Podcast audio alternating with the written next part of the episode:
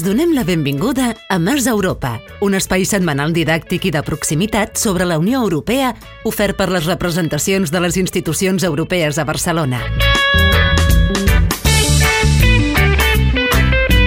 Comencem Mars Europa. Condueix Sergi Mas.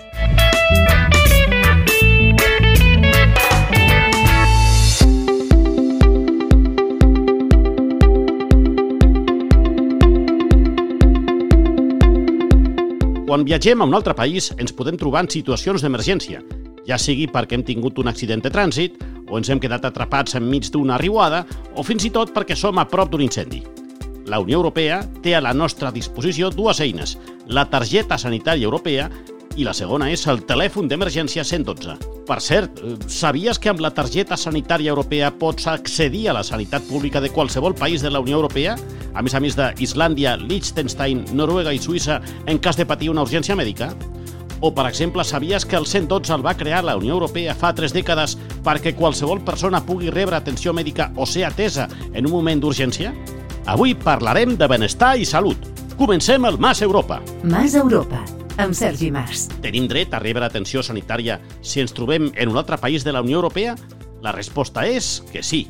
I a més a més, amb les mateixes condicions que ho faríem a casa nostra. I això és així, en part, gràcies a la targeta sanitària europea, un document que ens permet accedir a tractaments d'emergència mentre un ciutadà d'un país de la Unió Europea està en un altre país que no és el seu. I com funciona? Si el pacient és atès a un altre país, la factura amb els costos del tractament va a càrrec del país d'origen. Tot plegat en un sistema en el que el ciutadà no ha de fer cap altra gestió que disposar de la seva targeta. En total, l'any 2014, hi havia més de 200 milions de targetes sanitàries europees en circulació. Un espai on és ben comú fer ús d'aquesta targeta és l'Hospital de la Cerdanya, a Puigcerdà, l'únic centre de salut transfronterer d'Europa. L'Hospital de la Cerdanya, que va entrar en funcionament l'any 2014, dona servei a un territori dividit entre dos estats, en una zona d'alta muntanya amb una població de 32.000 residents i una gran afluència de turisme. El projecte europeu de salut de la Cerdanya té l'objectiu d'integrar els serveis de salut d'amb dos costats de la frontera, aprofitant el millor de cada sistema i, a més a més, treballa sobre les xarxes de salut existents per desenvolupar una prestació completa i adaptada. Avui tenim amb nosaltres el doctor Xavier Conill, director adjunt de l'hospital. Hola, Xavier. Bona tarda. Primera pregunta obligada, com ha afectat la Covid a un hospital tan únic com aquest? Bé, en principi, eh, a veure, la, la Covid ens ha afectat a tots, Sí, a tots. sí, sí. Eh, Un hospital únic o un hospital eh, comarcal o un hospital aïllat com és l'Hospital de Cerdanya. Mhm. Un hospital petit, petit. Per sort, per sort nosaltres eh, hem tingut, hem tingut algun, algunes petits avantatges Mhm. i altres inconvenients, però alguns petits avantatges per, per la nostra singularitat. Jo crec que el, potser l'avantatge més gran que hem tingut, a part dels professionals que han treballat en, en, tota, en, en aquestes dues onades, Sí. eh, la, la principal avantatge ha sigut eh, la col·laboració. Eh, eh, tot, tota Catalunya ha col·laborat en el, en, el, en el tema del Covid, Sí. però aquí a la Cerdanya, a l'Hospital de Cerdanya, a més a més, hem tingut la sort de que quan a Catalunya, on a Catalunya no arribaven, arribàvem, eh, ho, hem pogut, ho hem pogut fer a través de la col·laboració amb els hospitals francesos, cosa que eh, és una miqueta el punt, el punt diferencial del nostre projecte, no? de, la, de, de la nostra situació. Però hem tingut aquest recolzament també de, de, de l'Hospital de Perpinyà o l'Hospital de Foix o els centres de, eh, de cures eh, continuades o de cures de cures de, de continuïtat de la banda francesa, igual que nosaltres hem pogut donar-los suport perquè és la nostra missió eh, amb, aquests, amb aquests centres més petits de l'altre costat de, la, de, de, de, de lo que seria la frontera. Està clar que els reptes han estat són, perdó, no vull parlar en passat, ni molt menys, són importants i els heu superat de forma notòria. En aquest cas, com que estem parlant de la targeta sanitària, com funciona aquesta targeta sanitària europea en un hospital amb les vostres característiques? És a dir, qui assumeix les factures? Mira, en, pri, en principi, eh, curiosament, el que és la targeta sanitària europea funciona com a tot arreu. Però al tanto, és un hospital franco-català.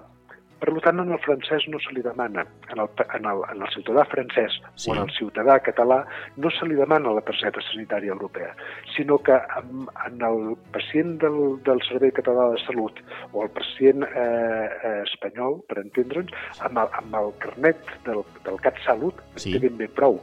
I en el pacient francès, amb la carte vital, que ve a ser el seu, la seva targeta sanitària individual a, a, França, a França, sí. també en té prou. No cal, si, si, és, si és francès o si és català, no els hi cal anar amb la targeta sanitària europea. I en aquest cas és més fàcil, en general, eh? és més fàcil o més difícil crear i gestionar un hospital transfronterer? A veure, gestionar un hospital, gran, petit, cosa així, té el seu grau d'intríngulis. Uh, gestionar un hospital transfronterer eh, té uns petits, uns petits trets diferencials, que jo no diria que, que són més fàcils o més difícils, sinó que és conèixer-los, conèixer mm. aquests trets diferencials i posar-hi èmfasis.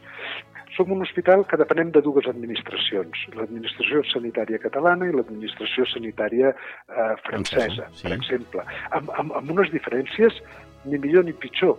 És diferent, eh? com deia, com deia eh, eh, eh, Mals de Tele. Gestionar el recurs humà, per exemple, les de gestionar en dos idiomes, però sí que hi ha problemes específics del transfronterer, de, de, de la nostra eh, idea de- d'hospital transfronterer em costa, eh? Vull dir, perquè segurament eh, hauria de ser hospital sense fronteres o hospital europeu. També tens raó, també tens raó, sí, sí. Més que transfronterer és eh, eu- europeu, és un espai, és un espai això. Per percentatge, quants treballadors són d'aquí i quants treballadors són de França? Mira, això era, era, era un debat que es tenia molt al principi, Sí. de, eh, que, que hem de tenir tant per cent de, 40% de francesos i 60% de catalans. Sí. Al, al final de tot, al final de tot, sí que eh, eh, el percentatge pot estar sobre el 20%, eh, tenint en compte que hi ha empreses subcontractades directament a França. Eh? Vull dir, Clar. tot el personal de neteja, que nosaltres considerem nostre, però que és d'una empresa subcontractada francesa, doncs, per exemple, són, són francesos. Sí. Però no és important tot això. Eh, sí que és veritat que a nivell financer, quin és el suport que ha rebut l'hospital transfronterer, em costa, eh? Transfronterer de la Cerdanya Sí. per part de la Unió Europea, tant des de la seva creació com pel funcionament actual.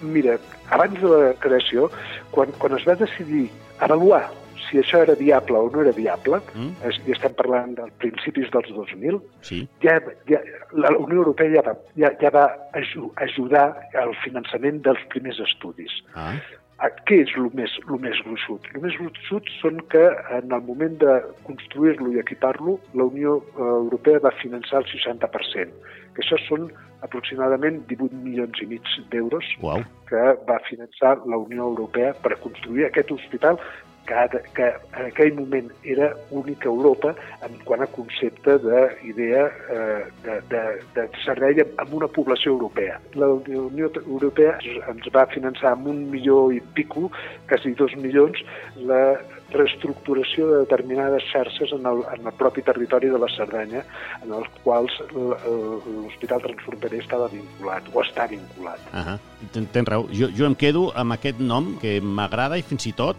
fent-me passar per jove mola. Aquest d'Hospital Europeu. Sí, és que m'a- m'agrada, m'agrada, hospital, perquè jo de transfronterer, ostres, Hospital Europeu de la Cerdanya. Bé, ja ho comprovarem d'aquí uns mesos. En aquest cas, hem parlat amb Xavier Conill, director adjunt de l'Hospital Europeu de la Cerdanya, Hospital Transfronterer de la Cerdanya. Moltes gràcies, o com diuen, ja adaptant-me a l'hospital, merci beaucoup. Vaig fer només un curs a francès a sisè de bàsica. Gràcies, Xavier. Perfecte, gràcies a vosaltres. Adeu. Mas Europa. Amb Sergi Mas.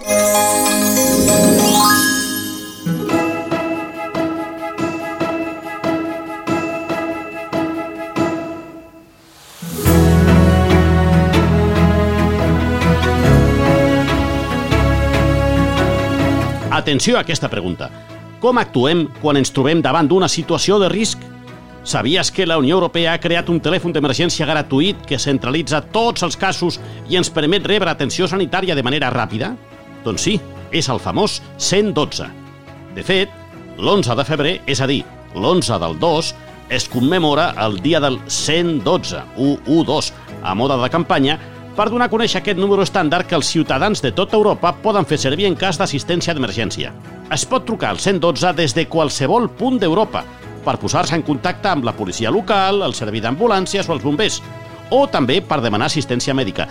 El 112 funciona a les 24 hores del dia, els 365 dies de l'any i atén peticions d'ajut en més de 50 idiomes. Més enllà de les fronteres de la Unió Europea, es pot utilitzar en països com Suïssa i Sud-àfrica i, a més a més, està disponible a tot el món a les xarxes mòbils. Des de principis d'any, el 112 ha rebut a Catalunya més de 1.800.000 trucades, la majoria per assistència sanitària o per temes de seguretat. Per parlar de tot plegat, avui tenim amb nosaltres a Joan Delorti Menal, director del 112. Hola, Joan. Hola, molt bon dia tingueu. Com està sent la gestió del servei durant els moments de més incidència de la Covid-19? Tenint en compte que portem ja molts mesos, malauradament molts mesos uh -huh. eh, de, de Covid, uh -huh. hem de dir que en aquests moments, diguéssim que la situació s'ha normalitzat pel que fa a l'activitat de trucades d'urgència que rep ja de gestionar el 112 sí. i ens queda ja, afortunadament, molt lluny aquells dies molt crítics del mes de març. És a dir, en aquests moments podríem dir, i, i no en aquests moments de, del dia d'avui o, o dels primers dies del mes de desembre, sinó que pràcticament des de mitjans d'octubre sí. podríem dir que la mitjana és que estem rebent una mica menys de trucades diàries de, de la mateixa època de l'any passat, quan el normal és que cada any pugem una miqueta més, uh -huh. però en canvi hi poso només una xifra perquè ens fem una mica la idea. Eh? sí. Uh, quan l'impacte a Catalunya uh, és més important que va ser mitjans de març, hem de veure que, per exemple, els dies 12-13 de març, el que l'any passat havien estat unes mitjanes de trucades d'unes 7.000 dies, doncs enguany hem tingut 26.000, només en un dia. Clar, què passa? Que la gestió de tan eh, desorbitada de trucades, aquesta demanda és, és, és complicada, és molt complexa, és molt complexa. En quines circumstàncies, Joan, sí ens hem de dirigir al 112? Anem a veure, el, el, un telèfon d'urgències com és el 112 o el 112, Mm. mm. en el conjunt de la Unió Europea, és un telèfon per demanar serveis d'urgència. És a dir, quan algú té alguna urgència, té aquest telèfon a tots els països de l'ONU.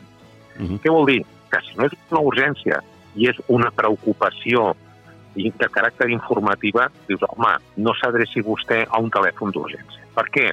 Perquè precisament hem habilitat tots els països aquest telèfon i hi ha persones a la- a l'altre costat de la línia Uh -huh. per poder atendre aquesta trucada i despatxar-la eh, en el cos d'emergència o cossos d'emergència que hagin de fer front. Per tant, l'ocupació de les línies, el temps d'ocupació, la promptitud en rebre la trucada i poder-la derivar al cos de- d'emergències que s'ha de fer càrrec és absolutament clau, és crític per poder atendre el que és una urgència. Per tant, si no és una urgència, no hem d'utilitzar el 112. Quins telèfons hem d'utilitzar? Mhm. Els que territorialment o a cada país tingui eh, cadascuna de les administracions. I poso un exemple. Eh? A casa nostra Sí. eh, hi ha municipis, hi ha ajuntaments que tenen el 010, que és un telèfon d'informació, la Generalitat té el 012, o fins i tot pel que fa a informació de caràcter sanitari, a Catalunya tenim el 061, Sí. Llavors, vostè té una incidència d'urgència, hi ha tingut un accident, eh, la, la persona que viu amb vostè té un atac del que sigui, truqui al 112, truqui al 112, Sí. que el 112 el que farà és que derivarà immediatament per processos telemàtics, per tant, no ha de retrucar, Sí. derivarà a qui li correspongui en funció de la naturalesa de la urgència que s'està plantejant aquestes circumstàncies. Com es gestiona la barrera de l'idioma? Si us truca, per exemple, un turista alemany Sí, que no sí. parla català ni castellà, o si jo estic de viatge a Suècia i no parlo el suec. Sí, anem a veure. La situació és una mica diferent. És a dir, Mm? nosaltres tenim com a carta de serveis l'atenció immediata amb tres idiomes. bueno, a part del català i el castellà, eh? tres idiomes eh, estrangers, que eren francès, anglès i alemany, Sí. però a més a més també eh, tenim la possibilitat d'atendre'ls, n'hi ha menys, però també hi ha operadors en italià, i després el que tenim és un programa propi intern, que és que en cas de necessitat tenim la capacitat d'incorporar una tercera persona per tal de que faci la interpretació a tres de uh, l'idioma que estigui parlant. És a dir, que si ens toquessin a Mordum, xinès, o no, doncs uh -huh. no és, evidentment, tan, tan ràpid, però sí que la, hi ha la possibilitat de que en temps real, de manera online, s'incorpori aquesta uh, altra persona. Però vaja, uh -huh. el que és francès, anglès, alemany, en menor mesura, però també italià, és pràcticament immediat.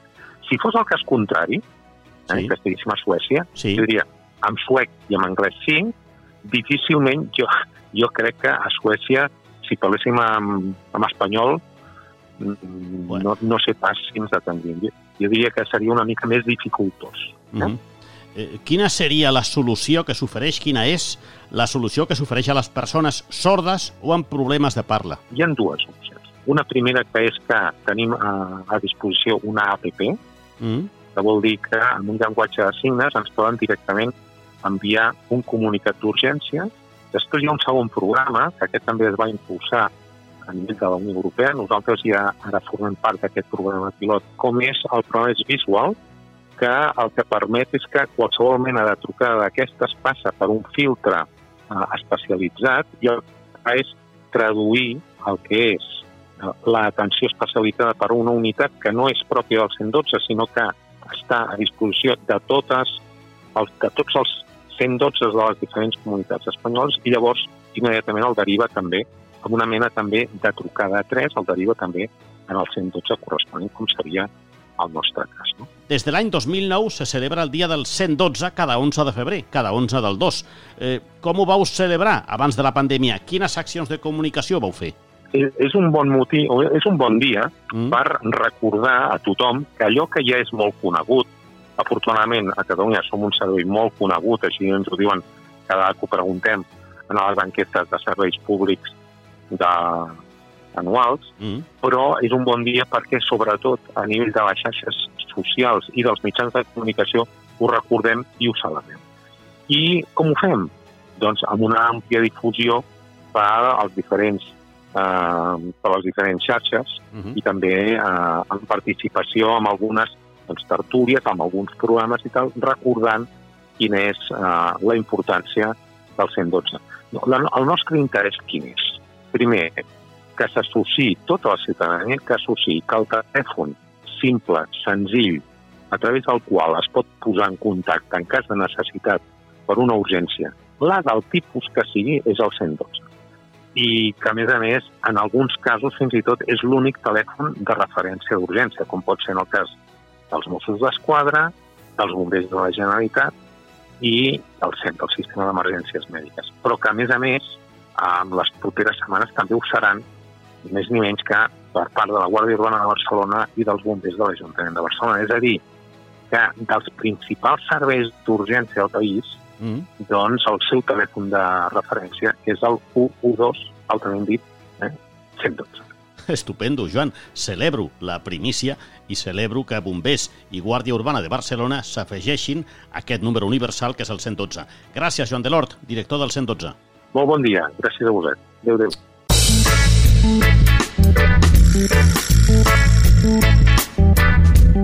I amb aquest testimoni de Joan Delort arribem al final del podcast d'avui. La setmana vinent parlarem de drets i llibertats a la Unió Europea i com, per exemple, la sentència del cas Bosman va revolucionar el món del futbol fa tot just 25 anys. Gràcies per seguir-nos i fins aviat.